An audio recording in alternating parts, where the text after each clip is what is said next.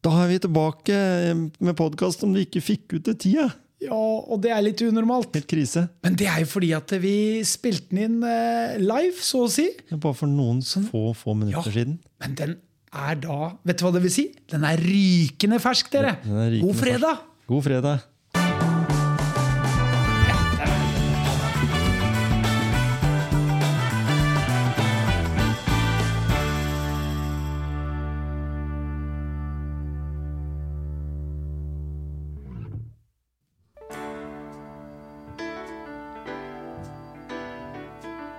Fredag, Magnus. Vi gleder oss til motivasjonspreik, gjør vi ikke det? Det gjør vi, Tom Kjetil. Og så er det en fantastisk gjest som er her i dag òg. Vi er heldige.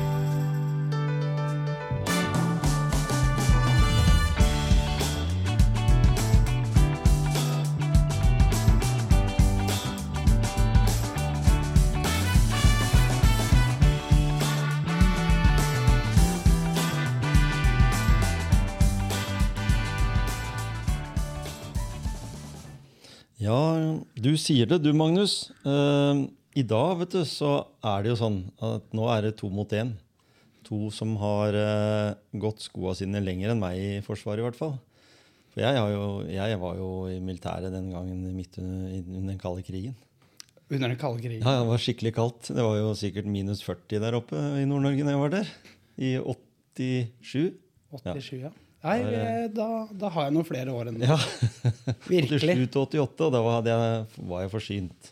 Da var du fornøyd. Da var jeg fornøyd med det jeg hadde prestert med, som kanonmann på eh, Er det het? Eh, Carl Gustav. 84 mm. Yes. Spennende. Ja, ny gjest. Ny gjest i dag. Anders Aks. Velkommen. Ja, tusen takk. Det er jo stor stas å komme her. Ja, vi har det kjempegøy her i faktisk noe som du nå sier har vært kontorer i ditt gründerskap en gang i fortiden. Eller er ikke så lenge siden. Ja, Det var den gangen jeg skulle bli milliardær på sosiale medier. Eh, nei, jeg skulle ikke det, men uh, vi startet uh, husker jeg startet noe som het Sens kommunikasjon. Ja. Uh, og da var det jo sånn at Facebook vi, For oss å jobbe med én kunde, én bedrift, så kunne vi ta 2000 kroner for en måned. Og når vi slutta, så kunne vi ta 500 000 for tre måneder nesten. Så det var jo veldig stor forskjell på eh, de tingene. ja, ikke sant?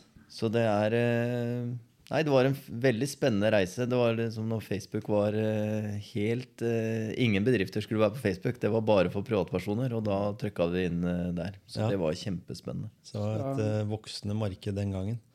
Det er jo kjempebra. Men uh, du er jo ikke her egentlig for å snakke om, uh, om Sens, egentlig. Du, du må fortelle litt om deg sjøl. Hvor er det du uh, tusla med småsko og, og kortbukser i, i sin tid? Fortell litt. Nei, er Det er jo Når jeg ble født i Skien, og så vokste jeg opp på Borgestad Så jeg, jeg har jo hatt en veldig, veldig fin barndom uh, der borte. Det var jo Vi var jo så heldige før uh, sosiale medier og før alt som var. Så da bodde jeg et sted som en Engravlia, og da hadde vi Engravsbakken. Uh, og så hadde vi Buerskolen. Og så hadde vi Borg fotballag. Ja. Og så var vi samme gjengen som gikk i, i, på fotballaget. Vi gikk i A-klassen, og vi gikk i A-klassen fram til 10A. eh, så vi hadde både barne- og ungdomsskolen. Så da hele barneåra så visste jeg bare hva Borg var, Buer var og Engra var. Eh, og så begynte jeg da på ungdomsskolen, og da visste jeg plutselig hva Buer, Borg og Menstad var. ja. Men fortsatt var jo Skien sentrum var jo stort. Og, og Menstad var sånn steinkast unna, bare. Ja, det var rett i nærheten. Ja. Så verden var vel liten og trygg der sånn. Og så begynte jeg på Porsgrunn videregående eh, og tok allmenn. Ja. Og lærte at eh, det var jo den tid det var, det var mulig å være drop-out og andre ting. Så jeg var heldig og gikk ut uten vitnemål, men eh, med mange gode erfaringer. Og, Ja. og så gikk jeg inn i Forsvaret. ja. Så, øhm, og da gikk jeg inn i Forsvaret i Det må jo ha vært i 2001. Eh, som er litt sånn festlig historie sånn sett. Da, at Mamma ringte jo opp og sa at det, det passer ikke at vi kommer på innkallingen 21. han må komme 22., fordi at vi skal til Gran Canaria først. Fikk du det igjennom? så, så da ble jeg flydd opp med en Hercules på 22. Og så kom jeg opp eh, 22., og da husker jeg ble møtt av befalet. Så sa han Er det du eh, som eh, mora di har ringt for, for, som skal komme inn nå? Så tenkte jeg ja, ja, det kan ikke bli stussligere enn det. Nei.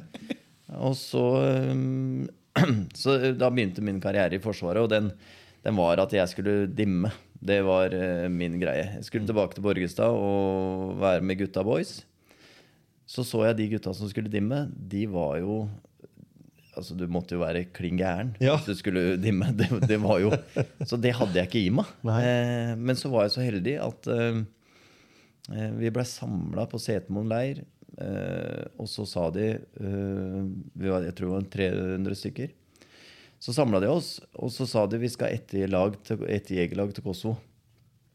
Og så kom det to helikopter, og så kom det to stykker som rappellerte ned.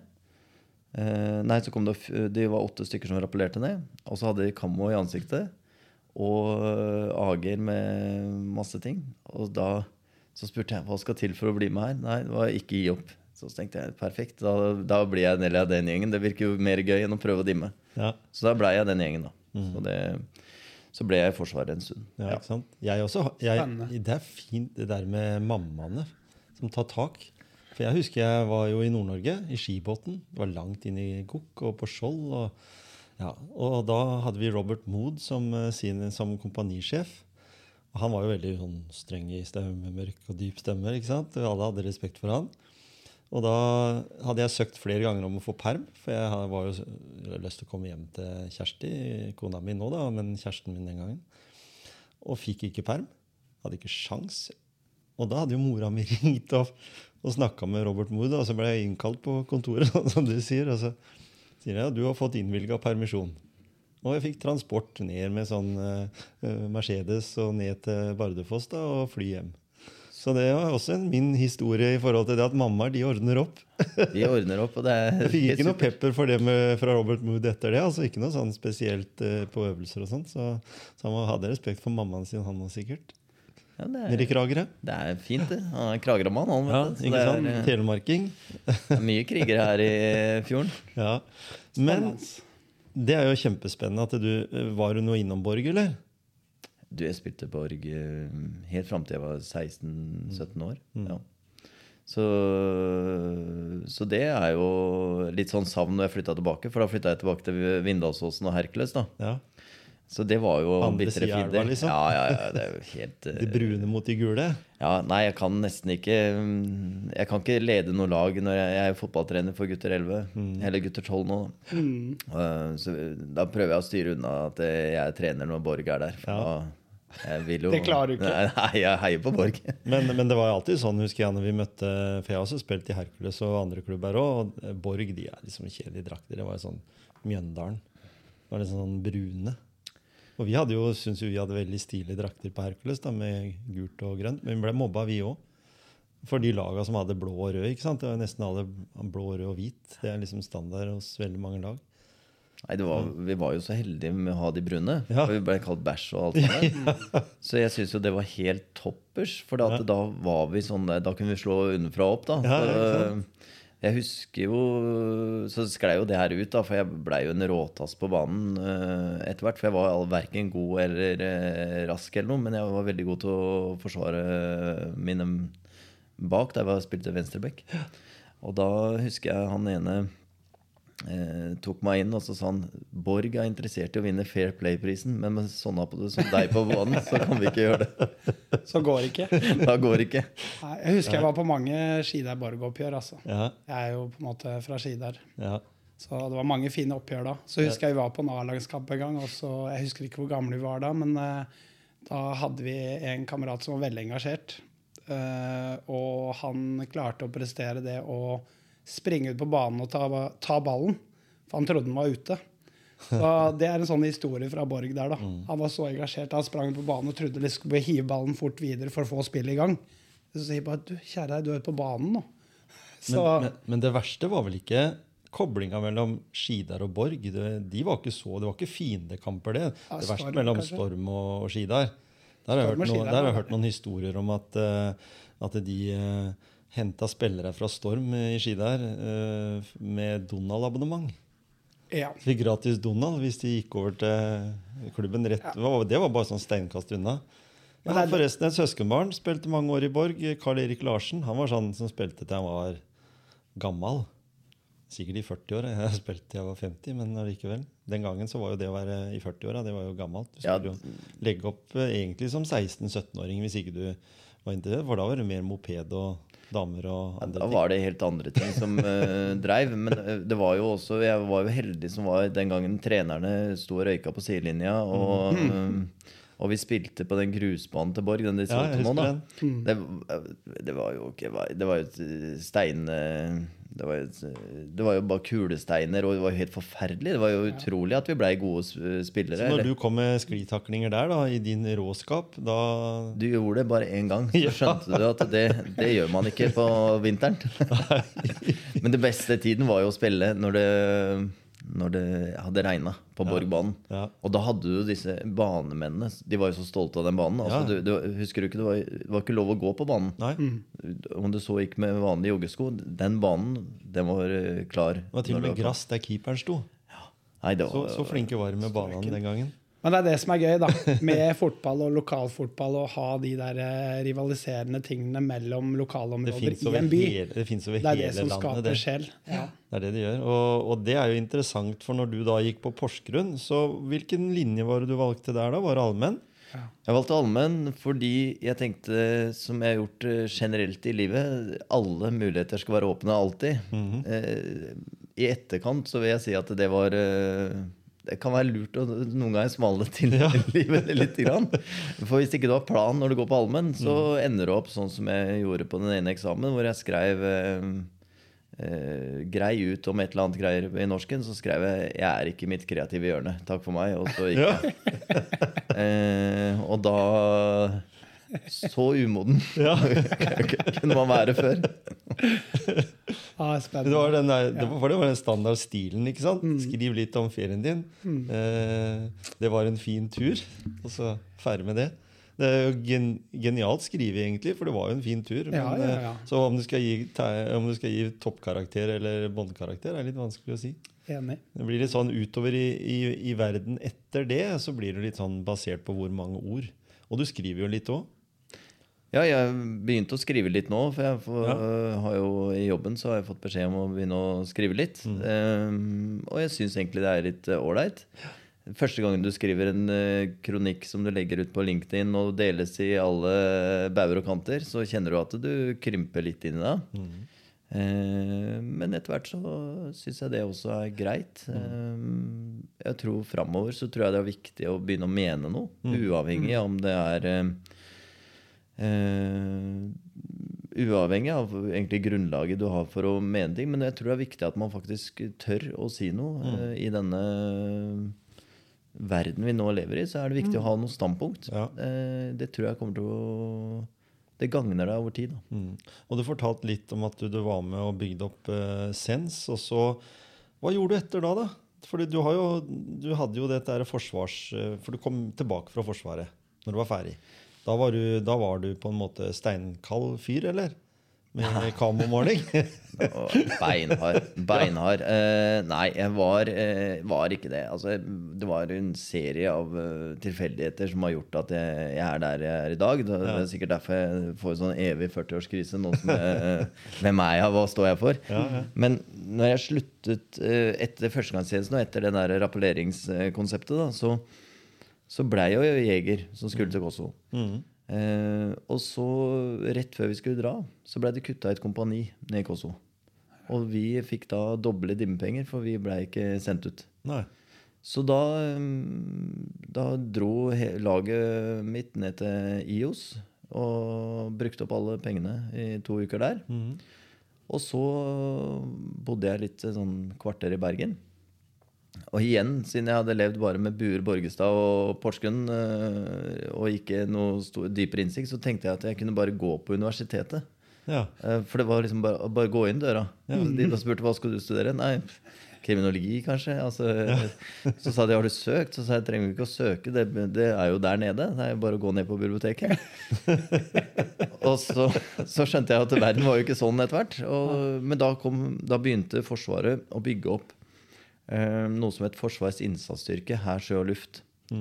Eh, og da fikk vi brev om vi ville komme inn, og da fikk jeg tilbud eh, på et sted som het eh, eh, På Rena, da. Eh, I det som nå er Telemarksbataljonen.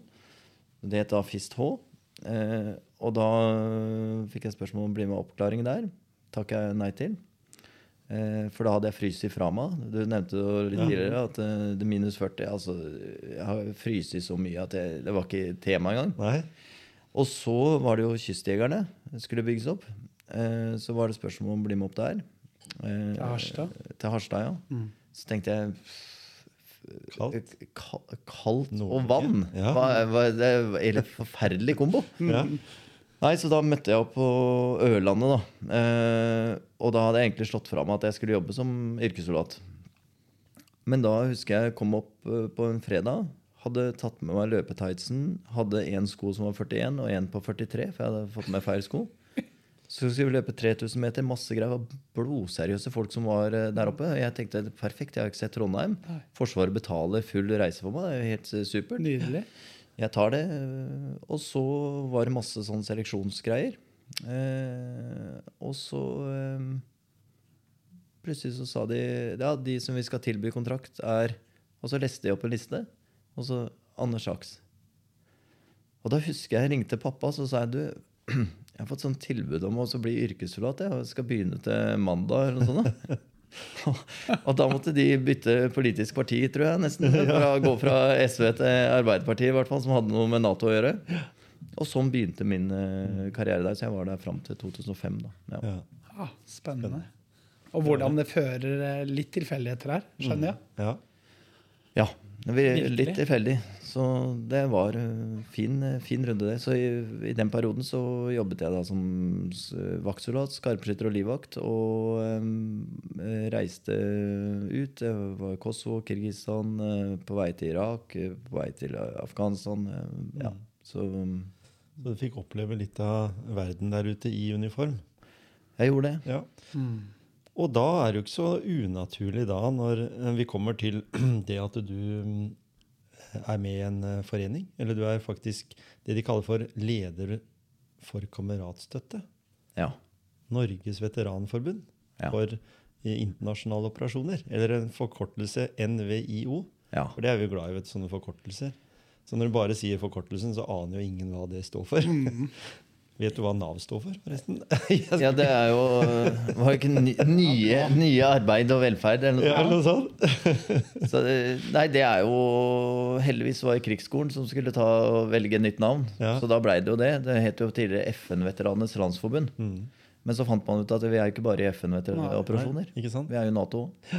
Men du hadde vært ute også? Ja, jeg var eh, seks år i eh, marinen på fregatt. Så vi hadde også noen oppdrag ned i Middelhavet, bl.a. etter 11. septem- september. Og ja, var mye med Nato. Mm. Så jeg har vært på noen turer. Ja. Virkelig. Så da blir det to mot én, Ja, det gjør det. siden jeg var Ja, ja. Men jeg har vært nærmest den kalde krigen og Gorbatsjov og, Ja og, og, Ja, ja, og ja, ja. Spetsnaz, og det var Ja. de som var faren den gangen. Mm. Ja, Når dere på 80-tallet var ute i Eller du er født 80. født i 82, du. 82. Ja. Og jeg var er- slutten av 90-tallet. Jeg er 78. Ikke sant? Dere er jo bare unge gutter i forhold til meg. Er det, skjønner du, Tom Så Kjetil? vi hadde jo vi hadde jo sånn eh, eh, børse med sånn Ja, hva er det het for noe? Mauser hadde du Ja, vi, vi fylte krutt opp. Ja, riktig. Ja, ja. Omtrent. Nei, vi hadde AG, faktisk. Mm. Men uh, den forsvant jo ut av Forsvaret etter hvert. For den var jo litt sånn upraktisk uh, som våpen hvis du skulle komme inn Det som du som soldat skulle, da, komme i nærkontakt med andre. Det var Ja, den- forferdelig å skyte med hvis du fikk en gammel børse, i hvert fall.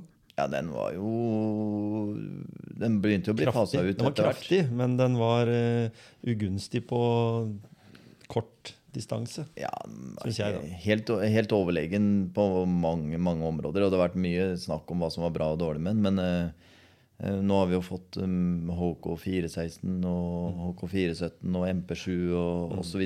Men uh, som våpen så viser det seg jo at Agen var jo veldig bra til veldig mye. Kunne skyte langt. Skyter langt, men du kan også skyte nærme. Ja, ja. By all means. Men uh, den, uh, den drar på. Eh, Så det var vel det Det var vel noen ekstra runder de tok når de skulle finne ut hva slags våpen det skulle være. For både den derre AK-47 og Agen har vel samme konseptet. Du kan nesten pælme det ut i vann og Ja. i sand og alt sammen og løfte det opp etterpå, så funker den, da. Veldig, veldig funksjonelle, sånn som veldig mye annet i Forsvaret. Ja, det, det er jo derfor det er fortsatt sånn overskuddslager fra Forsvaret. Det er jo Hver eneste dag kommer det jo ny, ny reklame om det der eh, lageret der. Det er jo så mye ting de har at det Ja. Jeg har eh, ulltepper, og jeg har eh, sånne du, Jeg husker, jeg liksom tenkte at fader, hva var det som jeg syntes var så ålreit i militæret? Jo, det var de vi trakk utapå feltstøvlene. Ja, knytter- Ja, og, så, og så kjøpte jeg meg det og truger. Jeg skjønte jo det at de trugene fra militæret var jo Husker jeg den gang vi brukte det, så var det jo helt ok. fordi eh, på Nato-øvelsen der, husker jeg, da kom jo engelskmenn og andre. De kom jo vassende bare i sko i to meter høy snø.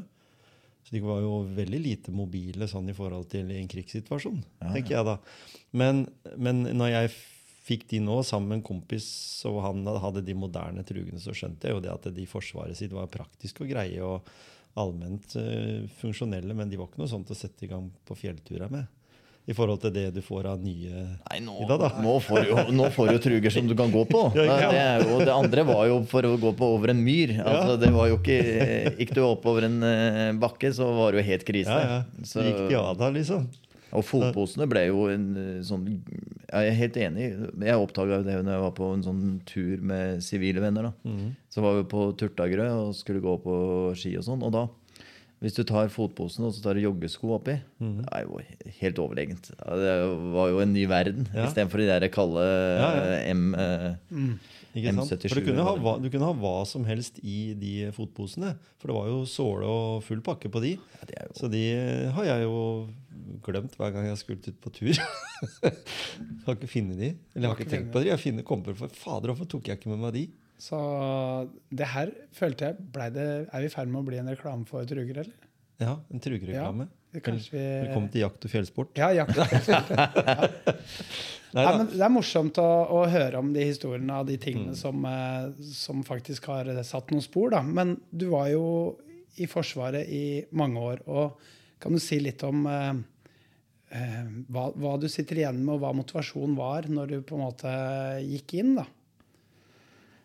Ja, jeg kan si noe av det som mm, fører meg over til jobben og litt sånne ting også, som jeg har i dag, så er, så er det jo at jeg, husker man var eh, ung, man var eh, nysgjerrig. Eh, man kom inn i et miljø hvor man var en del av et fellesskap. var enormt med Hvor man Vi pleier å si at to er én, én er ingen.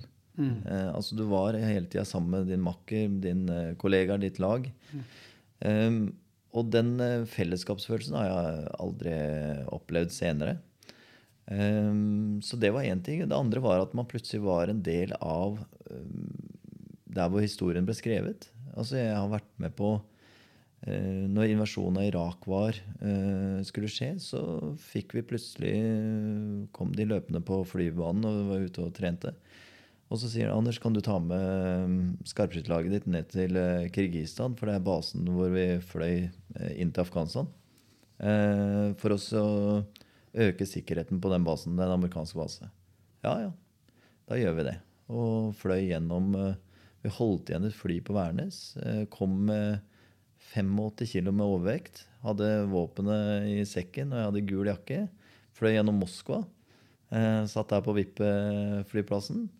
Og ned til eh, Og det tok meg nesten Jeg si at jeg var nede innen 36 timer. da. Og da var jeg der nede, og når jeg ble møtt der nede, så var det akkurat som på amerikansk film. For det første så fløy vi jo første klasse. Så da satt jeg i en sånn stressleser ved siden av han som var ambassadøren for, nei, eh, for Russland. Så da snakka vi utenrikspolitikk. Det var sikkert kjempeinteressant for han. 21 år gammel fyr som snakker utenrikspolitikk med en eh, russisk ambassadør. Ja. Så snakka vi sammen, og så eh, eh, lander vi. Og da er det jo ble, husker jeg alle på økonomiklassen ble holdt igjen.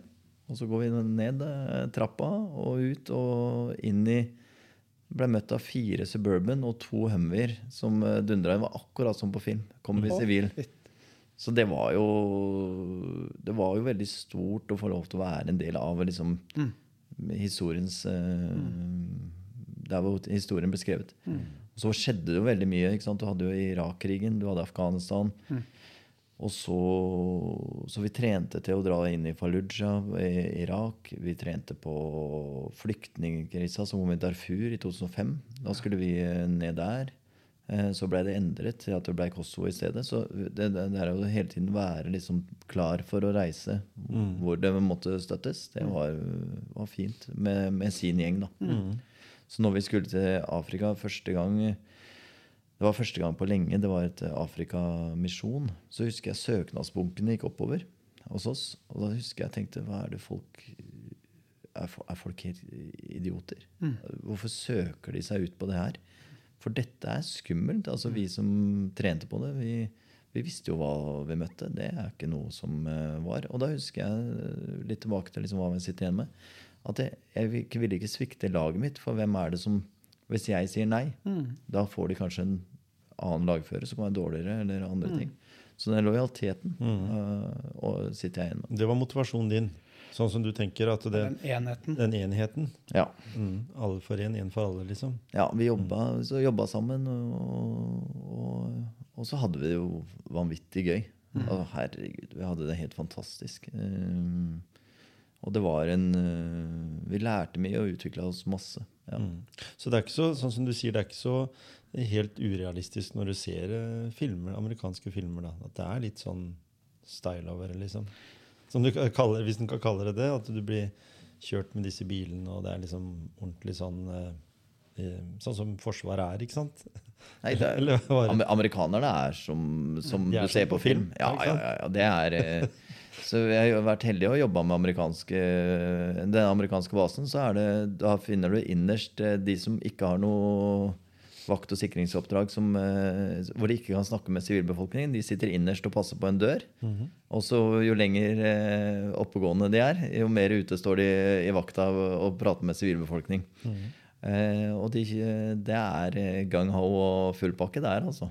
Så det er Nei, jeg husker jeg var på sånn livvaktoppdrag for uh, når FN skulle komme ned.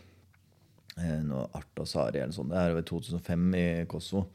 Og da gikk vi, jeg husker jeg gikk sammen med de amerikanske livvaktene. og sånn, Da gikk vi gjennom liksom kjøkkeninngangen for å finne ut uh, utgangen for å, hvor vi skulle ha med generalen. da.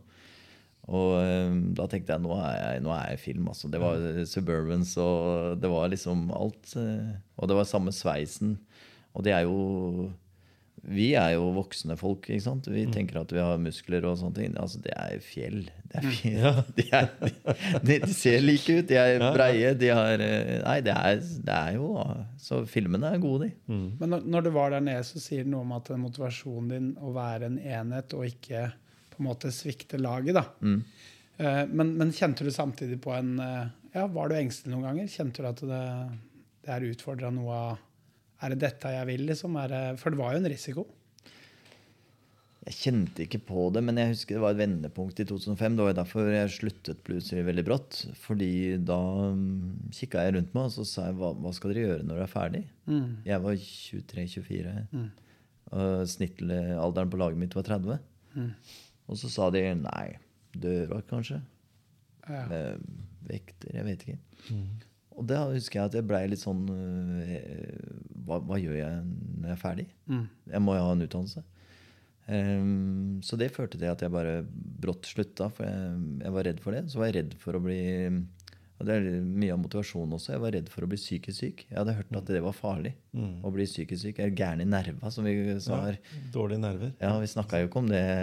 Altså, Jeg kom fra Borgestad, industrien her nede har vært flinke til og Vi snakker jo ikke om følelser. Nei. Det er noen skumle ting. Så jeg har jo aldri hatt en Jeg kommer jo fra en sånn typisk eh, arbeiderfamilie hvor man, det var sånn verden var. Og nei, hun var gæren i nerva, hun borti der. Så det, det var liksom Han var, eh, ja, så var det noen som drakk litt, og det var liksom sånn, så du, du visste hvem de var. Ja, så jeg, det, husker jeg var veldig redd for. Det var, Så det, motivasjonen for å slutte var egentlig for jeg var redd for å bli syk. Konsekvensene, på en måte. Ja, for hørte, du da, hørte du da historier fra de som hadde vært i, i FN-tjeneste tidligere, da, eller? Nei.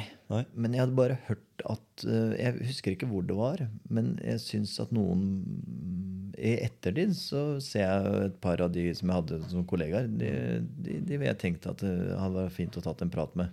Som kom rett fra Irak, hadde eh, gjort masse eh, greier der. Mm. Men da skjønte jeg ikke det. Det var, det var mest mer kult. Men jeg skjønte ikke hva um, psykisk helse var. Jeg skjønte ikke hva, hva, hvordan man ble syk eller ikke syk eh, Nei, ikke av det. Eh, Nesten du begynte å stille spørsmålet er jeg syk eller er jeg egentlig frisk, eller hva er normalt, liksom. ja, og så skjedde det en hendelse uh, som hadde skjedd tidligere, som var uh, i, Det skjedde nede i Kirgisistan, for da fikk jeg en sånn pistol mot hodet, og da, eh, da begynte jeg å drømme det hele tiden. Ikke sant? Så da skjønte jeg det er, det er, jøss, det er, gjør noe med det. Eh, og da var, lærte jeg noe nytt av en psykolog en gang som sa at livet er ikke bare grå, nei, svart og hvitt, det er også gråsoner. Wow, er det det òg? så det, nei, så det, det var eh, en del av de tingene jeg har tatt med videre inn i jobben. Og det har kanskje vært motivasjonen for nettopp det du står i og, og representerer i dag òg. Ja, jeg begynte jo med uh, bare ble mye meg her, da. Det var en liten dialog. Men det er men, derfor du er her. ja, ja, det, Det er deg vi ønsker å kjenne nå. Ja, jeg liker å snakke. Ja. Det er jo helt eh, krise, det. Så, nei, men da, da begynte jeg med uh, når jeg, øh, fordi jeg flytta jo ned til Skien igjen i 2013. Mm.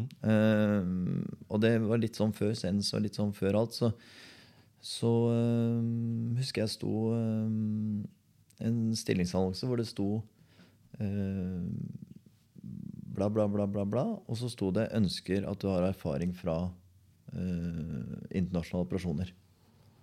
Og det har jeg aldri sett før. Det var jo Mental Helse som da ansatte. Og så s- var det Kameratstøtte. Eh, .no, som da var nettstedet. Så skulle jeg ha digital markedsfører. Så da begynte jeg der i en sånn 70% stilling som digital markedsfører på Mental Helse. Og den, jeg husker den der eh, litt sånn anerkjennelsen over at jøss, er det noen som faktisk har lyst på noen med min bakgrunn? Alt annet er jo ingeniør, må ha teknisk bla, bla, bla. og så- eller du skal være sånn eller sånn eller sånn og sånn. Men det er ingen som har, er, jeg har fortsatt den dag ikke sett så mange søknader hvor det står ja, 'ønskelig erfaring er internasjonale operasjoner'. Og det, da startet min reise med kameratstøtte. Og da tok jeg det med meg Så jeg driver med kameratstøtte.no siden da 2014. Mm. Eh, så i Sens så var vi da teknisk leverandør av det. Mm. eh, og bistå inn der. Så jeg jobbet hele tiden med den eh, biten. Så det var jo først i 2018 at jeg blei henta av styreleder og generalsekretær til å hjelpe til å skape ja, Hvordan skal vi nå yngre veteraner? Hvordan skal vi kommunisere mer mm. positivt så, inn i organisasjonen? Så da begynte jeg med det fulltid i 2018. da. Ja. Eh, og ble da Først var jeg kommunikasjonsansvarlig, og så rådgiver, og så kameratstøtteleder, da, Mm. som ble rendyrket nå. Og det er sikkert mange som lurer på hva, hva Mm. er kameratstøtte. ikke sant? Det er jo ingen som vet det. Men det er et lavterskeltilbud i forhold til eh, å svare på små og store utfordringer blant likemenn. Mm. Så da er det sånn at hvis du har vært ute øh, og er veteran, så sender man en melding eller ringer eh, til kameratstøtte. Vi har en kameratstøttetelefon nå. Så ringer man inn og sier du, jeg, jeg sover litt dårlig i natt. Hva, jeg bare, eller jeg har lyst til å bare Hva tenker du? Jeg var ute i Bosnia den gangen. og Du vil egentlig bare snakke med en annen likemann som på en måte forstår hva det vil si å være ute. Og det er det jeg er ansvarlig for nå. Så nå er jeg veldig stolt over å ha jeg har 150 frivillige. Vi kjører kurs sammen med Universitetet i Agder, RVT Sør. Mm.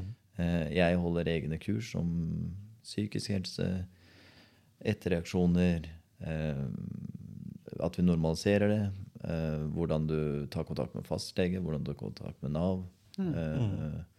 Og vi prøver å sørge for at Eh, vi er veldig opptatt av at eh, det er jo i snitt så er det, det er vanskelige tall, da, men ca. 5% har utfordringer etter en tjeneste. Hvis man holder seg veldig nøktern. da. Mm. Men vi er også ansvarlig for de 95 andre. Så hvordan skal vi forebygge at det liksom, de også er en del av det fellesskapet? Så det har jeg vært veldig opptatt av at vi skal treffe 100% For alle har en psykisk helse. For det, det, kan jo, for, ja, for det kan jo dukke opp når du er i 40-åra, eller i 50-åra. Det, det, altså, det er jo ikke noe det er jo ikke noe det er ikke bare 40-årskrisa som dukker opp sånn i 40-åra, men det kan jo også dukke opp ting. Vi ser vi liksom sånn mentalt uh, på det, i hvert fall av egen erfaring også, gjennom helsevesenet og sånn, så ser du jo mange som, som det på en måte plutselig dukker opp problemer da, i, i type 40-åra, liksom, i forhold til samlivsbrudd, kanskje. Og så er det med på å snu om på liv, livet. Da. da kommer noen av de her uh, dårlige opplevelsene opp igjen. og så Ja, det sånn, begynner å sove dårlig, og så greier du ikke å gjennomføre jobben din ordentlig. og Det er ikke alle arbeidsgivere som er forståelsesfulle. Ja, men faen, du har vært i Forsvaret, hva er det for noe? liksom? Jeg var jo i militæret sjøl på Evjemoen. liksom, du, du ser ikke helt det hele bildet.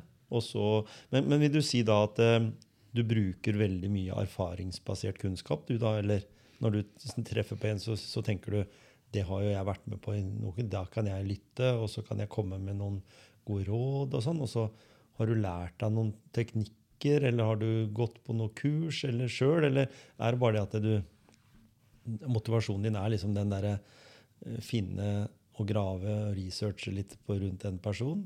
Eller rekker du ikke det? Nei, det er såpass mange. flere, flere ting. Det ene er at jeg, jeg tok jo noe som het NLP eh, tidligere, sånn mm. coach og alt sammen. Så jeg har tatt liksom alt av det. Men, og så har jeg tatt Nå tok jeg jo mentorering og veiledning, videreutdanning innenfor det her. Mm. Men det har vært veldig mye på egentlig bare lytte og forstå. Ja, ikke sant? Eh, og når noen sier eh, Og så er det ofte litt sånn kodespråk. ikke sant? Man, eh, jeg klarer kjapt å identifisere om eh, det samme som Når du er kjøpmann, så klarer du kjapt å finne ut om noen andre er kjøpmenn også. Hvis du, så det er samme med forsvarssamtalene. er at du, du klarer å Hvis han sier 'jeg var i Bosnia og opplevde Eh, og de skarpskytterne de var sånn og sånn, eller det var sånn og sånn, eller jeg bare var på gjorde sånn og sånn. Så sier jeg takk for innsatsen. Eh, Det er det ene. Det andre er at eh, ja, hvordan har det vært i ettertid? Nei, det har vært bla, bla, bla. Og det som er overraskende, er at uh, vi har ikke så mange fora å snakke med hverandre om, eh, om, om det. Så vi har jo disse Forsvarets veterantreff. Har vi jo hver 14. og vi har på Peppes og vi har litt sånn rundt omkring. Der kommer det jo en base av mennesker. Men, eh, og der får de lov til å liksom snakke om sine, sine ting. Og jeg tror at det å både mimre, det å også snakke om ting, det å også defuse Jeg husker det var noen som sa det veldig fint, og Gunnar Sønsteby han eh, gikk det jo bra med helt til slutt. Max Manus gjorde ikke det. Mm. Så sa du hva er, det, hva, hva er forskjellen her? Og så sa jeg Gunnar har fått lov til å snakke om det her hele livet sitt. Han har snakket med barneskoler, han har snakket overalt osv. Han har jo på mange måter satt ord på alle de tingene hele tiden. Og det jeg tror jeg er en uh, viktig uh, ting da, som vi ønsker å opprettholde her med kameratstøtte. Og så er det sånn når de ringer inn, så hadde jeg nå senest noen som ringte inn, og da sier de Du, Anders, eh, jeg sliter med et eller annet. Men jeg vet ikke hvordan jeg skal gjøre det. Nei, men da snakker vi litt sammen. Så sier jeg du, er det greit jeg kobler på lokal kameratstøtte. Ja, da finner jeg Der i det området han bor, så kobler jeg på en frivillig. Som da stikker ned og tar en kopp kaffe og så videre. Og så sparer vi det.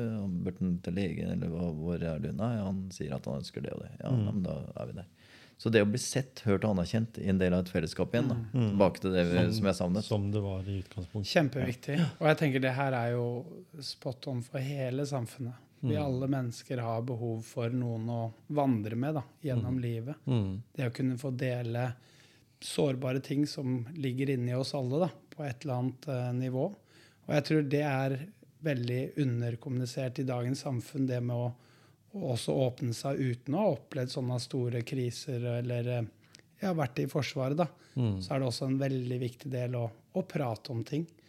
Eh, hva man enn måtte ha opplevd. Og det tror jeg Hadde vi vært flinkere til det, da, så tror jeg vi kunne også behandla mange med nettopp at de kunne fått prata om det på et tidlig tidspunkt. Ja, jeg, jeg tror det er um, nøkkelen i mye. Og så behøver du, før når jeg begynte, så tenkte jeg skal du ha utfordringer, så, så må du liksom ha vandra i massegraven og skutt to ganger i beinet og, og, og liksom fyra tilbake.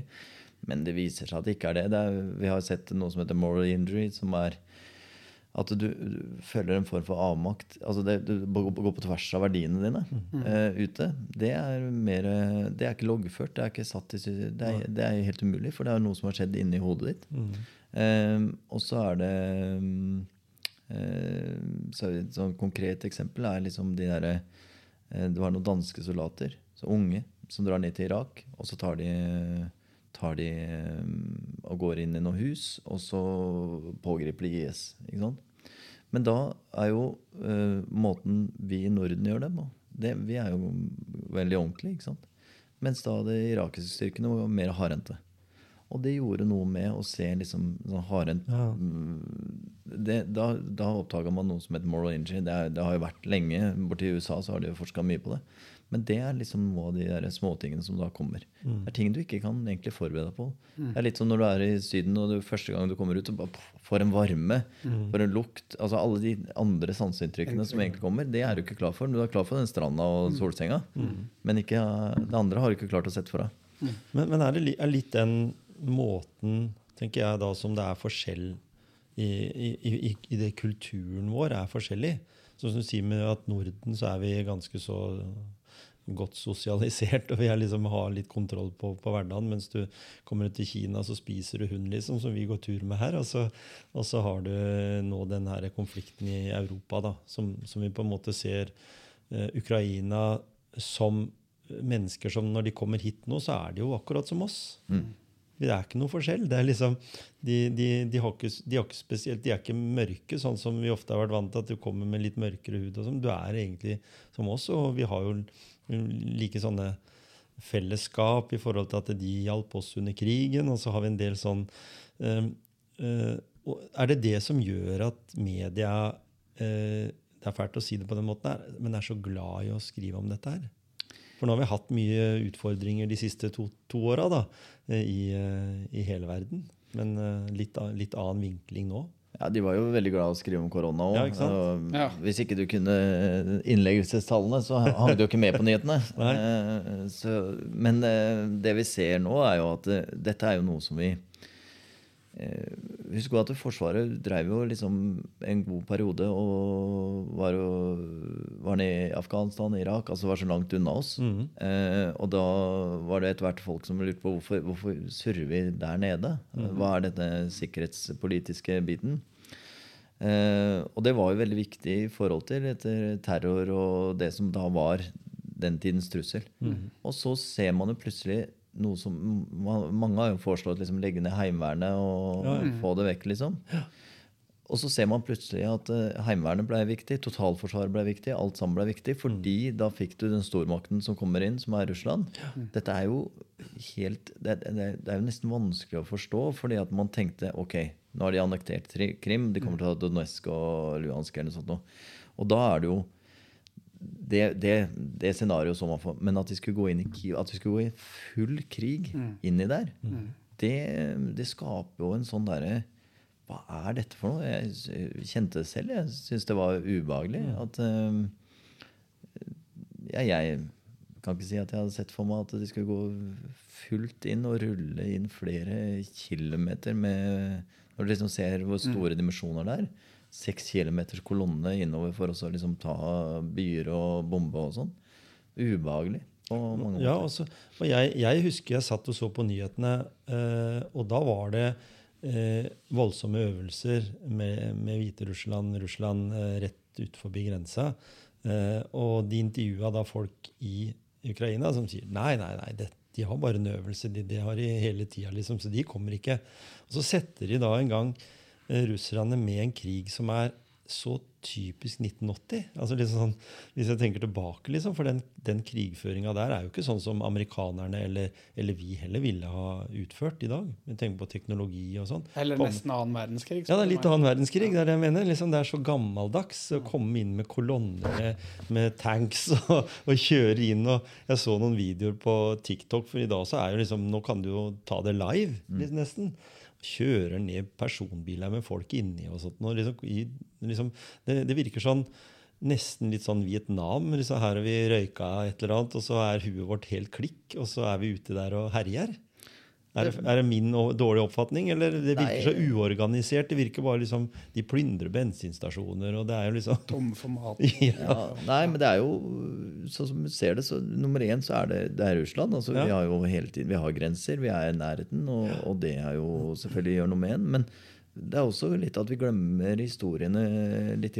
fordi at på 90-tallet, uh, som jeg tok inn i min artikkel uh, for litt siden, var jo at det, dette er litt likt Bosnia mm. uh, den gangen. Enormt med flyktninger. beleiringer. og, der også, og det var så nært. Balkan var veldig nært sånn sett. Og da hadde vi flyktningkrise der også. Ja. så det er at vi, vi nå, nå, er vi ferdig med korona, mm. og da er vi helt ferdig. Det, den, det, å slå over den bryteren var bang, bang, da er vi ferdig med ja. korona. Husker jo ikke åssen det var med korona før. Og jeg liksom tenkte åh, åssen blir det å komme omstille seg? Nei, ja. der er vi tilbake. Jeg husker jo ikke noe av koronaen snart. Og litt sånn samme er det med historien. Jeg tror det er viktig at vi faktisk leser litt historie og, og ser litt tilbake. fordi at vi har jo hatt disse store Men når stormaktene begynner også å rasle, det er jo da det er litt ekkelt. Mm. For tidligere har det vært sånne små folkegrupper. altså I Afghanistan hadde vi Taliban. vi hadde Irak så hadde vi liksom Vesten tok Saddam Hussein, mm. og, og, sånn. Så kom det IS. Altså. Det har liksom vært litt sånn distansert. Men når stormakter går inn og begynner å ta land og gjøre det den biten der, så det viser også hvor skjørt det er. Mm. Hva om det skjer her? Mm. Uh, det viser jo at man ikke kan være naiv. Mm. Det viser jo hvorfor man må ha et forsvar. Eh, så det blir jo interessante debatter framover. Hvor mye er vi villige til hvis vi ser på statsbudsjettet i dag, hvor mye er vi villige til å dytte inn i forsvar og beredskap? Nemlig. Eh, det betyr at du må forsake noe annet. Mm. Og hvem er interessert i det? Og så har du et, en situasjon nå med høye eh, strømpriser, mm. høye driftsutgifter, stor flyktningkrise. Um, og du får nå også rolige sju rentehevinger. Så da, det er jo liksom Det er mye Selv for Norge merker man jo mm. denne biten her. Og, ja, og når vi snakker om det, så, så kan jo ikke jeg huske at eh, vår generasjon uh, fikk så veldig store påvirkninger sånn økonomisk av de andre konfliktene i Europa. Som du sier på 90-tallet, konflikter på 80-tallet, rundt, rundt 2000 i Irak selv om det var en oljenasjon. Så, så verdensøkonomien og hele denne her er jo veldig sårbar. altså Den jo, påvirker jo enormt. Det er ikke bare pandemien som har vært, men det er jo også det at eh, vi er et fellesskap i Europa da, som på en måte egentlig ønsker kanskje å smelte sammen, men allikevel så ønsker jo jeg tror, Hadde du kommet nå og sagt ja, vi burde vel kanskje søke om EU-medlemskap, så tror jeg det er blitt nei. Så ganske klar for å se at vi vil Nei, vi, vi har det sjøl. Vi er egoistiske. Vi, vi, vil ha strømmen for oss sjøl. Vi vil ikke ha de kablene ut i verden. Og så, og så leser vi at eh, Norge har jo tjent enorme beløp på gassen vår og, og på leveranser. Vi har til og med hatt båter som kjører russisk olje. For vi har såpass mye av transporten på, på sjøhavet. Da. Så, så vi på en måte jeg, jeg tenker at motivasjonen i Norge, siden dette her er motivasjonspreik, må jo være at vi må prøve å hjelpe folk der ute så mye som mulig. For det er jo ikke noen land i verden som kanskje har så mye penger på bok. da, hvis en skal si det sånn. Vi har litt å ta av, selv om vi hele tida sier at ja, men da blir det mindre i pensjon. Men vi har jo, i hvert fall fram til 2030, som myndighetene sier, eh, en sånn eh, en gullkanta. Vi har jo olja og gassen. Ja, det er nok av penger. Og, ja. og, jeg tror jo veldig på det du sier der, og det er jo det som gjør at jeg er stolt av å jobbe i Envio. sånn sett, fordi at eh, vi har jo 7500 medlemmer. Mm. Eh, vi har 150 frivillige. Det er et landsmøte, det er styrer osv. Og, og 58 lokallag. Og det har jo, med en gang pandemien kom, så sa veteranene hva kan vi gjøre for å bidra. Mhm. Eh, og da sendte vi det inn til frivillighetssentraler osv. Og, så og nå som eh, flyktningkrisen kommer, så bare hva kan vi gjøre for å bidra? Mm. Og jeg syns at det, mm, noe som eh, Hvis man skal snakke om eh, motivasjon og andre ting i samfunnet, så, så, har jeg, så tror jeg veldig på dette med frivilligheten. Vi glemmer hvor viktig frivilligheten er for, eh, for faktisk å se mennesker, bidra, og også at det er godt for deg selv. Mm. Er du frivillig og bidrar der hvor du kan, med det du kan, mm. når du kan, så er det så viktig for så mange. Eh, og derfor eh, Nå har jeg sett på eh, For å ta to ting. da. Det ene er at jeg, jeg har en eh, veldig god kompis som begynte med noe som heter Nyby. Eh, som er liksom hvordan sette frivilligheten inn i et eh, system inn i velferdsstaten. Mm Og som går veldig bra. Hvordan kan liksom kommunen bli avlasta av frivilligheten? Hvis du har hjemmehjelp, da, for eksempel, så, så, er det, så ser hun eh, hjemmehjelpa at han er ensom. Det er vanskelig for en hjemmehjelp som har fått så og så mange timer til å gjøre noe med det. Men frivilligheten kan bidra med altså, det, det er en annen som har lyst til å komme inn og ta en kopp kaffe med deg osv. Og så viser det seg at den som er da ensom, den har kanskje mye å lære tilbake igjen. Ja. Så det å sette disse tingene sammen, det er vinn-vinn for begge. Mm.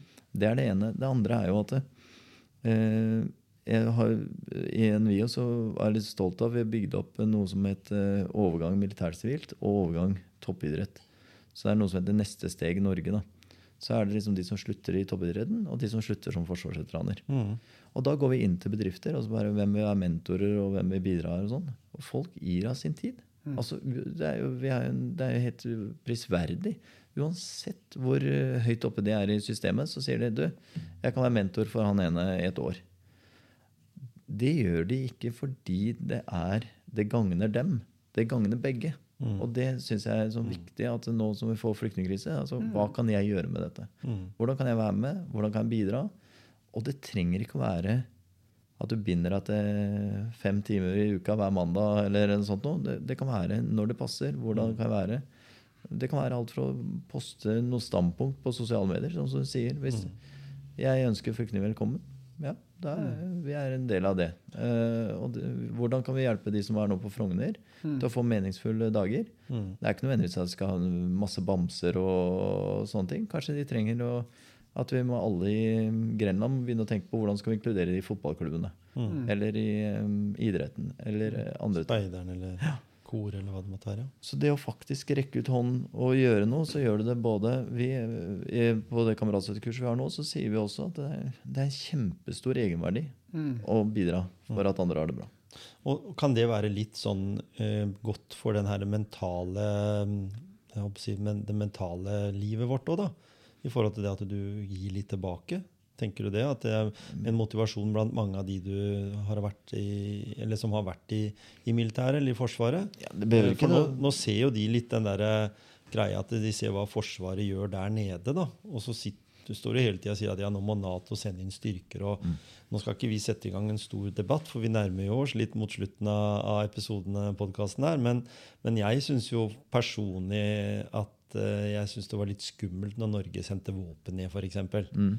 For da trua de med en gang russerne med at da er jo dere en del av, av krigen. Og vi har jo vært liksom litt sånn Vi støtter ikke der, men vi kan støtte med humanitær hjelp. Vi kan vi bruke førstehjelp, altså sykehuser og sånne ting. Uh, har du noe standpunkt der du med det? Mener du at det er viktig for Nato da, å, å stille opp nå? Uh, eller sitte og vente til de tar skrittet over til Polen? Nei, det var jo som jeg sa litt tidligere, at jeg, jeg har ikke noen sånn jeg, jeg, jeg liker å snakke med de eh, store herrer på forsvaret, høgskole og andre ting som har forsket mye på det. Men jeg tenker jo at det, er viktig at vi faktisk viser Vi har jo vist hele Så lenge Nato-alliansen har vært til stede, så har vi jo tatt standpunkt sammen. Ja. Og når Nato sier at vi leverer våpen, og vi gjør sånne ting, så, så er vi, vi er i takt med, med vår allianse. Da.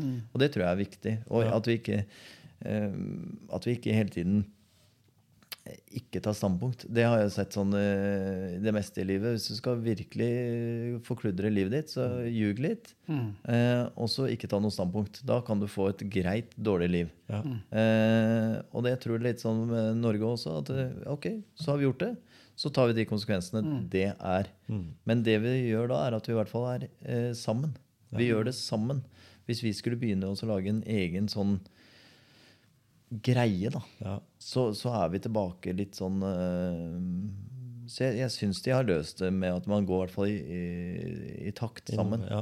Men eh, om en Nato skal inn i Ukraina osv. Jeg tror at eh, Sånn storpolitikk, det, det ser jeg at uh, man er tjent med at de som driver med storpolitikk til daglig, uh, faktisk jobber med. For det er så mange andre linjer. Det er diplomatlinjene, det er forsvarslinjene, det er mange nivåer. Nemlig. Uh, og økonomi, ikke minst. ikke sant? Så jeg tror det er, det, er, det er veldig vanskelig å være bastant på så kompliserte ting. Men jeg, jeg blir litt sånn Litt bekymra blir jeg jo når Fredrik Solvang tar opp på debatten at hvis russerne kommer ned Nord-Norge, så må vi regne med at vi må møte de her med vår forsvarsstyrke i dag. I Da blir jeg litt sånn Jeg kjenner det på, på den eh, trusselen vi hadde når jeg var i militæret, når vi sto grensevakt ved Skibotn. Det altså, vår fiende der var jo ikke finnene og svenskene, men det var jo russerne som skulle Eller Sovjetunionen den gangen, da, som kunne komme.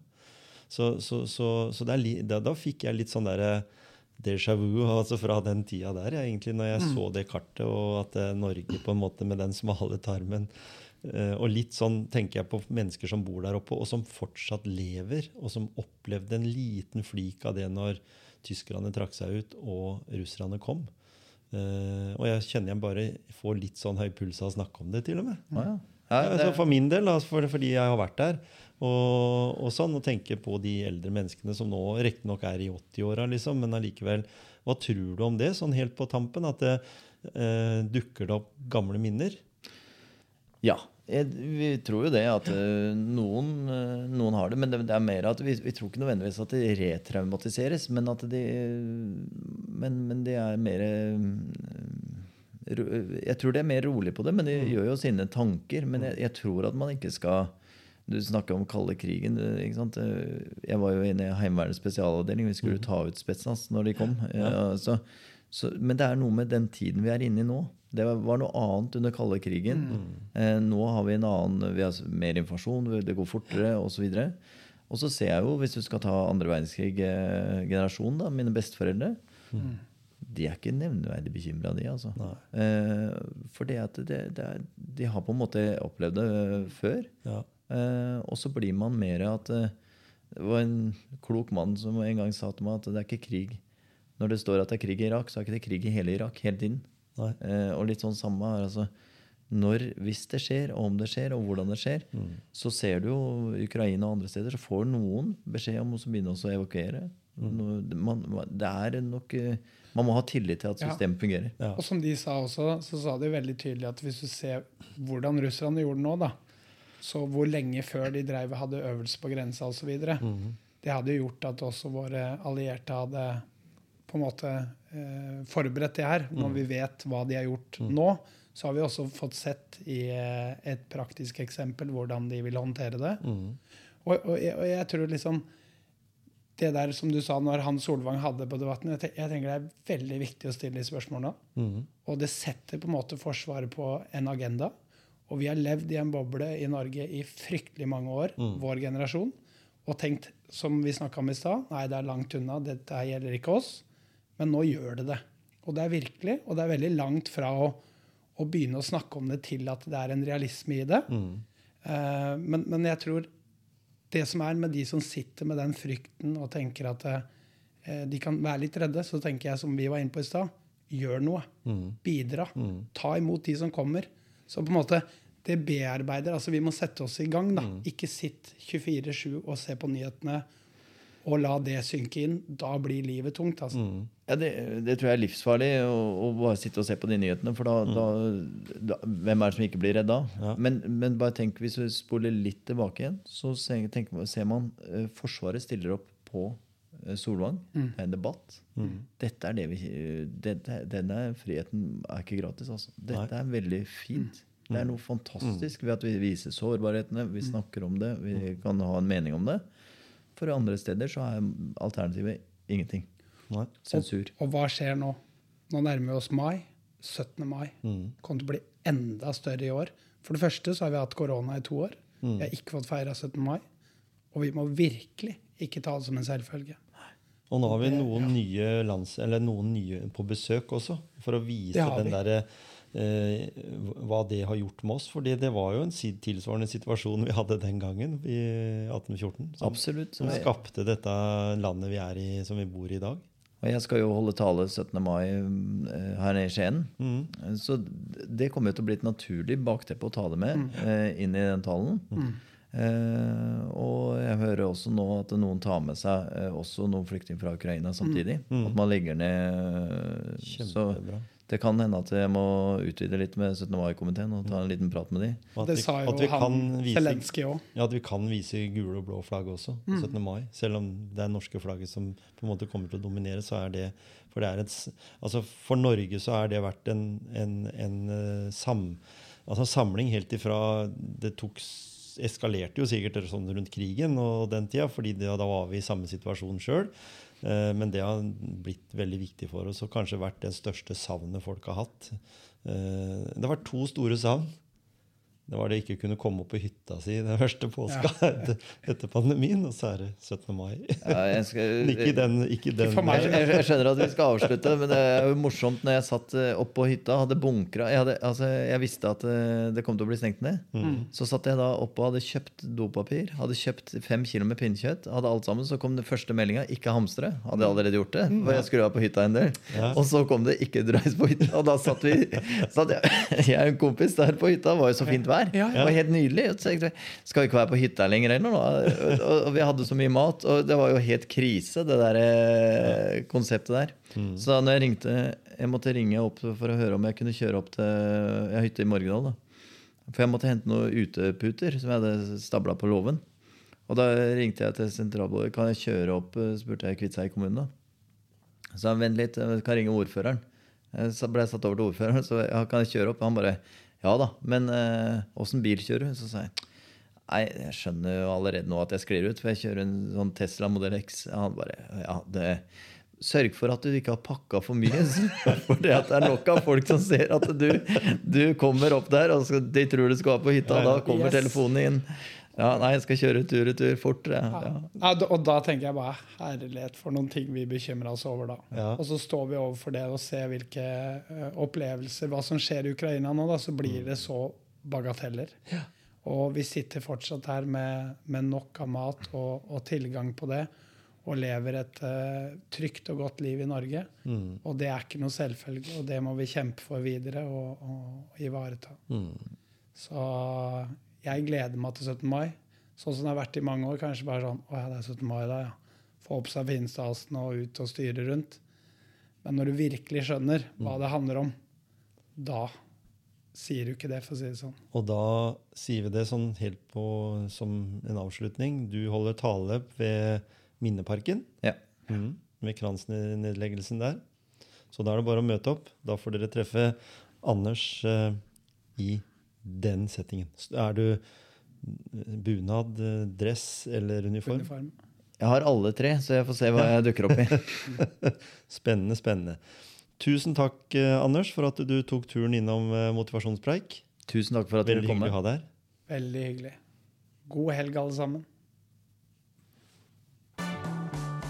Husker det.